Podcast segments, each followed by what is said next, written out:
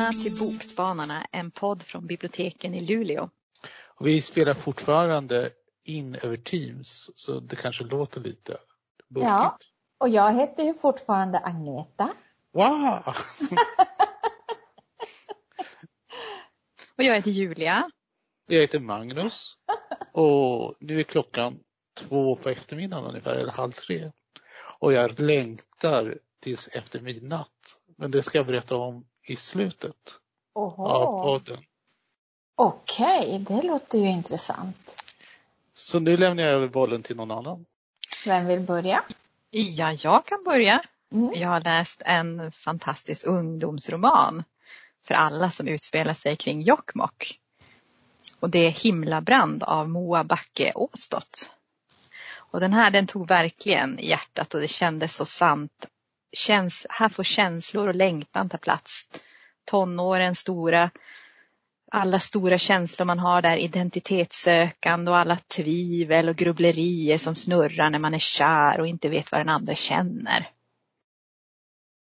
Och vi träffar då 16-åriga Ante som är same och vars liv präglas av de samiska traditionerna. Och han är familjens enda barn. Så det ses som självklart både för honom och för hans föräldrar att han ska fortsätta arbetet med renarna. Mm. Och han, han, han är som en lite av en grubblare. Eh, och han, har, han börjar få känslor för sin bästa kompis Erik och de växer sig starkare och starkare. Och jag menar, den där känslan när han sitter bredvid Erik och de har låren bredvid varandra och han mm. glömmer alldeles bort hur man spelar tv-spel. Men så var det ju när man blev kär. Ja, det var alldeles, alldeles borta och det här när man måste liksom, man känner att man knappt kan andas och man tappar alla ord. Och han känner Ante liksom att det känns som att Erik ger lite mixade signaler. Han vet inte mm. liksom vad som händer. Och Erik har en flickvän och Ante gillar verkligen inte henne. Och han har också en kompis som heter Ida som försöker tussa ihop honom med en annan klasskompis som heter Hanna och han vet inte vad han ska göra Ante. Att han tänker är det inte bara lättare att bara hänga på, att vara som alla andra. Vad skulle alla säga om de visste? Mm. Hans vänner, hans släktingar, hans älskade farmor. Och det är väldigt så vackert om första kärleken och försöka lista ut vem man är och hitta mod liksom att vara sig själv och måste han välja? Kan han kombinera renskötar livet med livet som han vill ha? Och det är också en berättelse om arv, släktband och händelse, mm. hur händelser från det förflutna liksom kan påverka mm. idag. Så jag tyckte det var en fantastisk debut. Och ja. man läste den verkligen, man, jag läste den i, i, liksom, i en sittning Mm. Den drar verkligen med sig. Det gjorde jag också. Jag kunde, det går inte att lägga den ifrån sig. Nej, man vill verkligen Nej. veta och, och det, det, var så fint, fint det där, just det här känslorna, hur fysiskt i, hos mm. Ante också de uttrycker sig som det där liksom. Tyckte ja. det var jättefint. Ja, och sen det här tyckte jag också att, att, ähm, att han, han, han är ju inte, han inser ju att han är ganska taskig mot Hanna. För att han för ju henne mm. lite grann bakom ljuset. Mm. Eh, och det blir ju, blir också en uppgörelse där mellan, mellan de två och som sprider sig bland de andra kompisarna. Mm. Och ja, nej den var, den var riktigt, riktigt bra. Vad, som, vad jag tycker är extra roligt med Moa Backe Ostot, jag har ju suttit med i flera år i den här Eh, bok och bildpriset heter det ju nu, men tidigare hette det Lilla Erik Lindegren. För varannat år har vi ju i Luleå någonting som heter Bok och bildfestival. Och vi hoppas ju att det ska bli av i höst också. Eh, och ett år så vann ju Moa Backe Ostot eh, novelltävlingen som vi har. Och Moa sa till mig att eh, tack vare att hon vann eh, den tävlingen eh, så vågade hon börja visa sina texter för andra än för bara sig själv. Så det är ju jättehäftigt. Ja, det var ju fantastiskt. Ja, och sen har hon ju vunnit eh, Sveriges Radios Nobelpris också. Mm. Mm. Det är väldigt roligt. Vi kanske ska tydliggöra, det är ju två bokpriser som delas ut. Ja. Dels Erik Lindegren-priset och sen, vad sa du att du hade bytt namn till? Bok och bildpriset, tror ja. jag att det heter. Ja.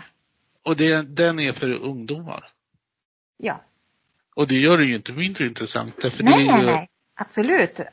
det är väldigt spännande. Vi har fått in jättebra, jättefina bidrag under åren.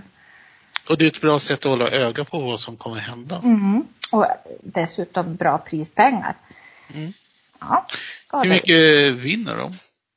Oh, behöver du ställa svåra frågor. Det var höjt i alla fall från, jag tror att det är 10 000 nu. Mm. Ja. Så var det förra, förra gången det var bok och bild. Det kan ju bli förändringar den här gången till det bättre, kanske. Mm. Ja. Alltså jag är för gammal att söka. Asch. Så kan det vara. Eller man söker inte, man blir nominerad. Då, man blir nominerad, man skickar ju in, man tävlar ju.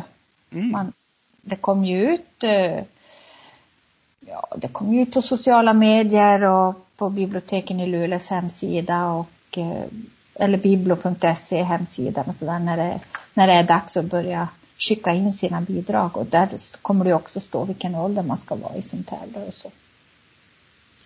Jag kommer att sitta med i juryn även i år. Men alla bidrag är ju anonymiserade så att man har ju ingen aning om vem det är som har skickat in. Eh, jag tänkte jag skulle fortsätta med det samiska och ta en bok som heter Stöld av Ann-Helén Lestadius. Eh, och den här utspelar sig också i trakterna kring, kring Jokkmokk. Och det här är en sån otrolig eh, vad ska man säga, ögonöppnare för mig. Det, det, det mest intressanta är att min morfars mor var same. Och det är ju någonting som vi i släkten inte har fått veta förrän, ja, många år senare när hon var ju född i, slut, i mitten av 1800-talet och kom från ett ställe utanför Östersund som heter Jensnäsholmen. Och i kyrkoböckerna så står det att hon var fattiglapp. Så det är därifrån det uttrycket kommer ifrån. Men eh, tack vare att en av, vår, av, mina släktingar som jag inte kände till då i Östersund började eh, släktforska så hittade hon oss uppe i Norrbotten och vi fick reda på att våran morfars mor var same. Och jag har ju hittat många saker i, i stugan, alltså det är ju sjätte generationen i vårt barnbarn som är i samma hus många samiska saker och jag tänkte att det var för att min mormor var lärare. Jag vet att bland annat så jobbade hon i Adak en period. Så, det, men det här kommer ju från Sigrid, från den släkten. Eh, precis som du pratade om i din bok Himlabrand Julia så är det också väldigt mycket historia i de här böckerna som utspelar sig i Norrbotten och i Jokkmokksvakten.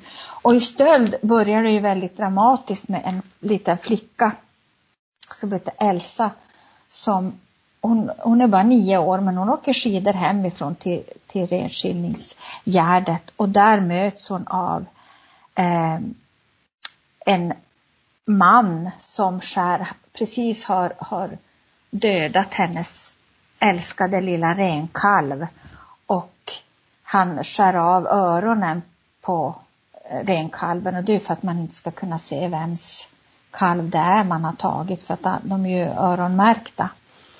Eh, och Elsa, den här mannen, när han ser lilla Elsa som kommer skidande så drar han med sitt finger över sin hals. Och det är ju universella tecknet för att om du pratar så kommer du att dö. Och det här kommer ju hon att växa upp med. Den här vetskapen att dels har hon sett vem som har dödat kalven och dels så finns den här mannen i byn ständigt hotfull och ständigt nära henne. Så bara den känslan tycker jag Ann-Helén Lestadius beskriver så otroligt bra. Att hur man som liten flicka och växande tonåring hela tiden nästan måste se sig om och vara rädd och orolig. Och Elsa här, hon är ju, hon är ju riktigt modig och mål, målmedveten, målmedveten och hon får ju hela tiden, under hela sin uppväxt så får hon ju höra en massa okvädningsord så här kastade eh, åt henne så där i smyg, alltså typ lapphora och nedsättande ord om om samer hela tiden. Och alltså den, den är skriven på ett så fantastiskt spännande sätt. Det är ju som en, det är nästan som en thriller alltså, fast det är ju en vanlig roman. Men, men det är ett sånt driv i språket och det är sånt, den är så, det, miljöbeskrivningarna är så bra och eh, hela Elsas uppväxt med sin familj. Mamman är, mamman är inte äkta same kan man säga. Och har en syster, alltså Elsas moster, en sån här lite wild and härligt crazy så när hon kommer dit och får ta av sig sina, sina strumpor och känna den här mjuka mattan under fötterna och eh, alltså den eh, ja, det, jag vet inte, det är svårt att prata om det. Jag tycker helt enkelt att man måste läsa den. Och Ann-Helene Lestadius, som har tidigare skrivit uh, ungdomsromaner. Det här är ju hennes första vuxenroman. Och uh, hon skrev ju om, hon skrev en bok år 2007 som hette SMS från Soppero. Som handlar om en flicka som får ett sms på samiska och bestämmer sig, alltså hon är, bor i Solna men hennes mormor och morfar och kusiner bor i Soppero. Eh, och hon bestämmer sig för att lära sig samiska i smyg för att hennes mamma har helt liksom kommit bort från den samiska kulturen. Eh, men tack vare att den här flickan då tillbringar sina sportlov uppe hos mormor och morfar i Soppero så lär hon känna Heika då som är den som har skrivit det här smset. Så att den serien den består ju av fyra böcker tror jag. Den ska man också absolut läsa. Som precis med Ann, om, med Ann, precis som med Ann Tyler som jag har pratat om i en tidigare podd så tycker jag att man kan läsa allt av Ann-Helene Westadius. Men det här är i alla fall stöld som jag har pratat om. Skitbra! Okej, nu ska jag bryta av fullkomligt. För jag ska prata om Simone St. James The Sundown Hotel. Och då ska vi tänka USA, vi ska tänka en liten småstad någonstans i närheten av kanadensiska gränsen. Och vi ska tänka på ett motell, ett ganska slitet motell.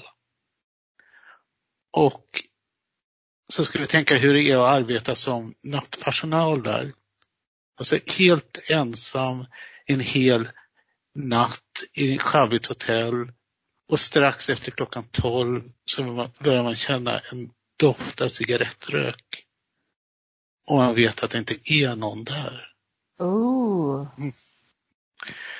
Och boken handlar då om Carly Kirk som har en faster som jobbar på det här motellet och försvann eh, spårlöst Eh, några år innan Carly föddes.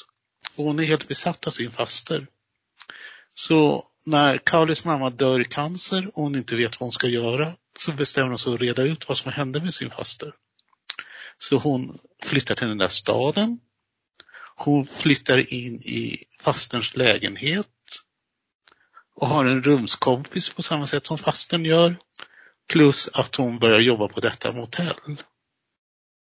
Och är det klokt?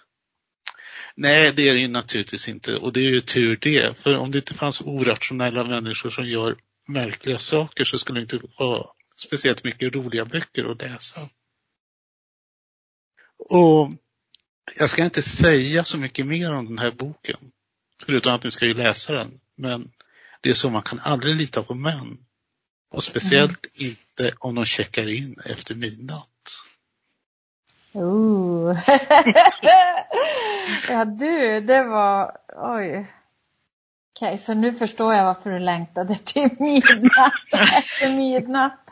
Aha. Och det som är bra med den, det här är mer en sån där uh, känsloskräckis än att den är blodig. Så ja. om ni ger den här till någon, så är det värsta ni kan göra mot den personen, det är att komma och ställa er strax bakom dem när de sitter och läser den här boken. Ja. För då kommer de hoppa. hoppa. Åh oh, gud vad häftigt. Jag pratade om stöld av Ann-Helene Lestadius och även hennes ungdomsbok SMS från Soppero. Och jag pratade om Himlabrand av Moa Backe Åstott. Och jag pratade om The Sundown Motel av Simone St. James. Hejdå! Hej då!